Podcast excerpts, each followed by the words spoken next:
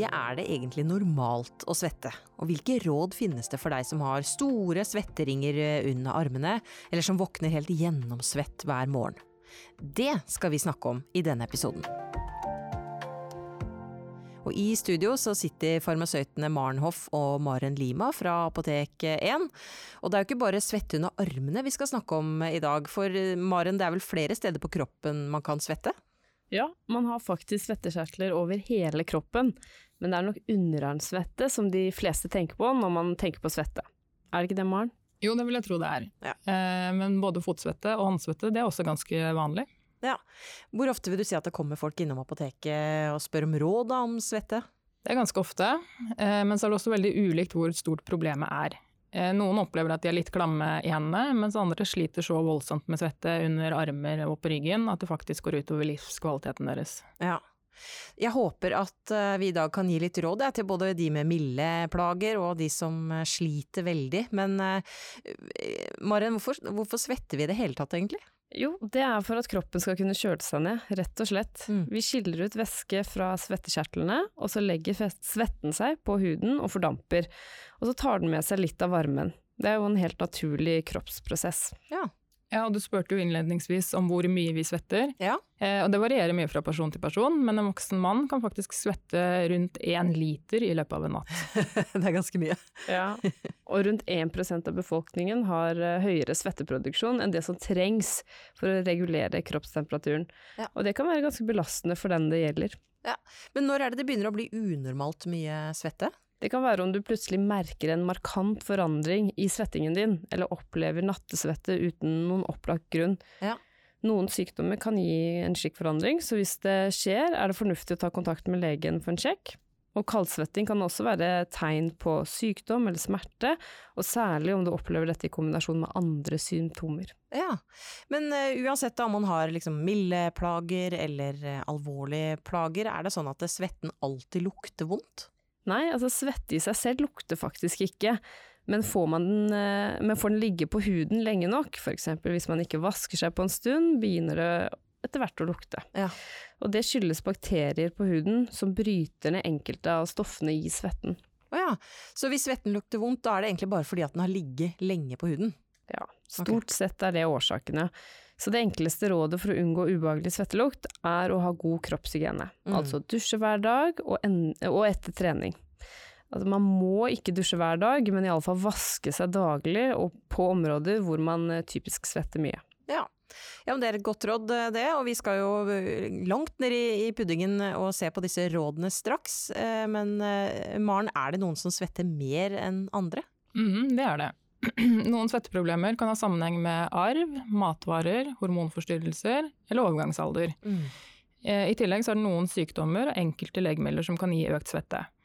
Eksempel så kan man få økt svette hvis man tar for mye insulin eller for mye paracetamol. Og så er det også sånn at det er noen som ikke svetter i det hele tatt. Er det det? Ja, personer som er dehydrerte, de kan faktisk miste evnen til å svette. Ja. Eh, I tillegg så kan f.eks. brannskade på huden gjøre at svettekjertlene ikke fungerer. Og det samme kan også infeksjoner i svettekjertlene gjøre. Mm. Men eh, totalt fravær av svette, det er veldig sjeldent. Men er det ikke farlig da å ikke svette? Jo, hvis man ikke svetter så kan man bli eh, overopphetet, og det kan bli ganske alvorlig. Ja.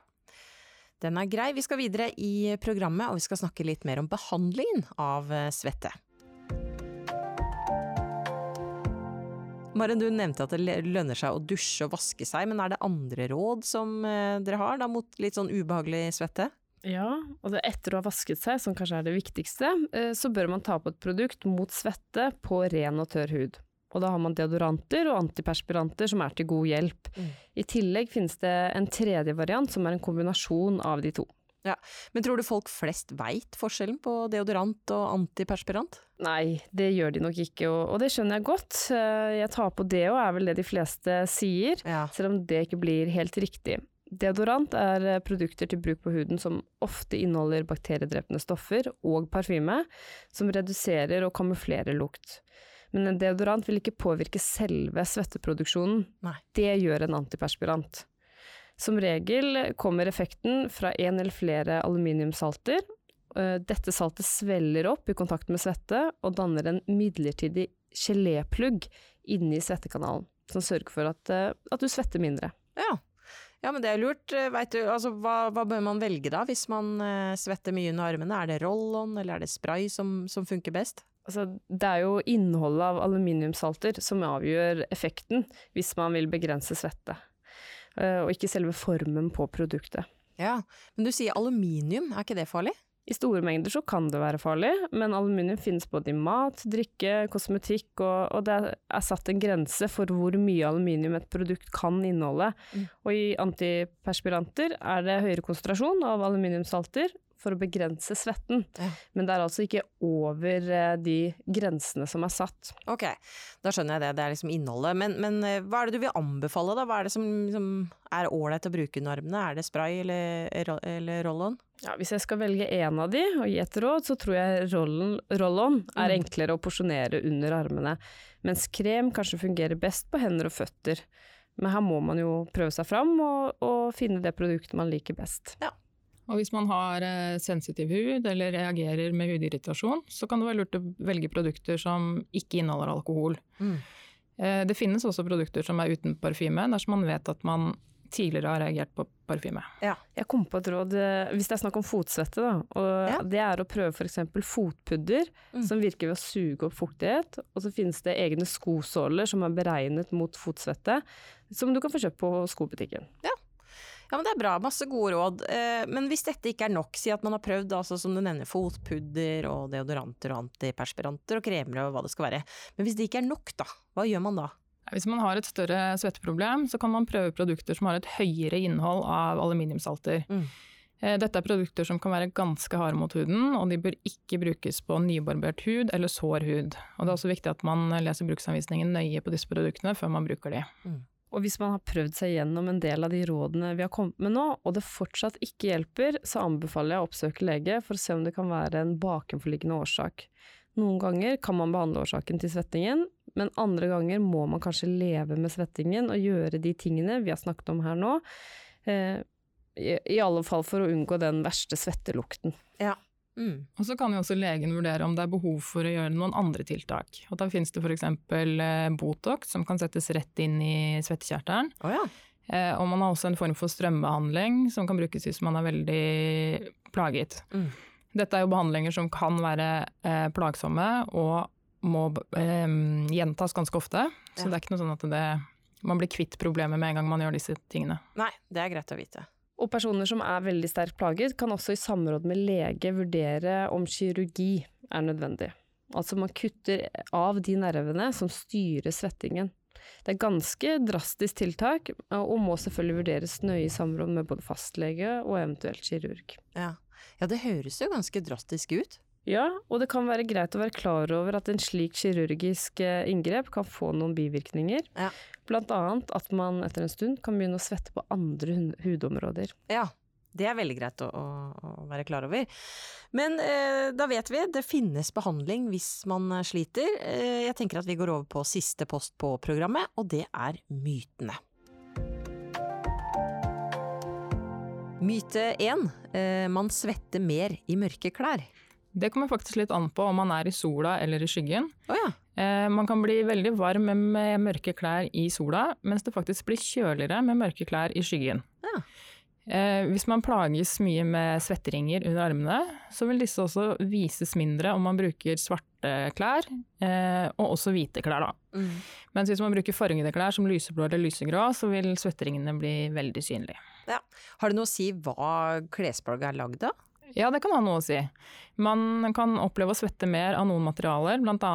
Eh, syntetiske stoffer som er veldig tettsittende. Mm. Og når det kommer til den vonde svettelukten, så blir lukten strammere om man ikke vasker klærne etter å ha svettet i dem tidligere.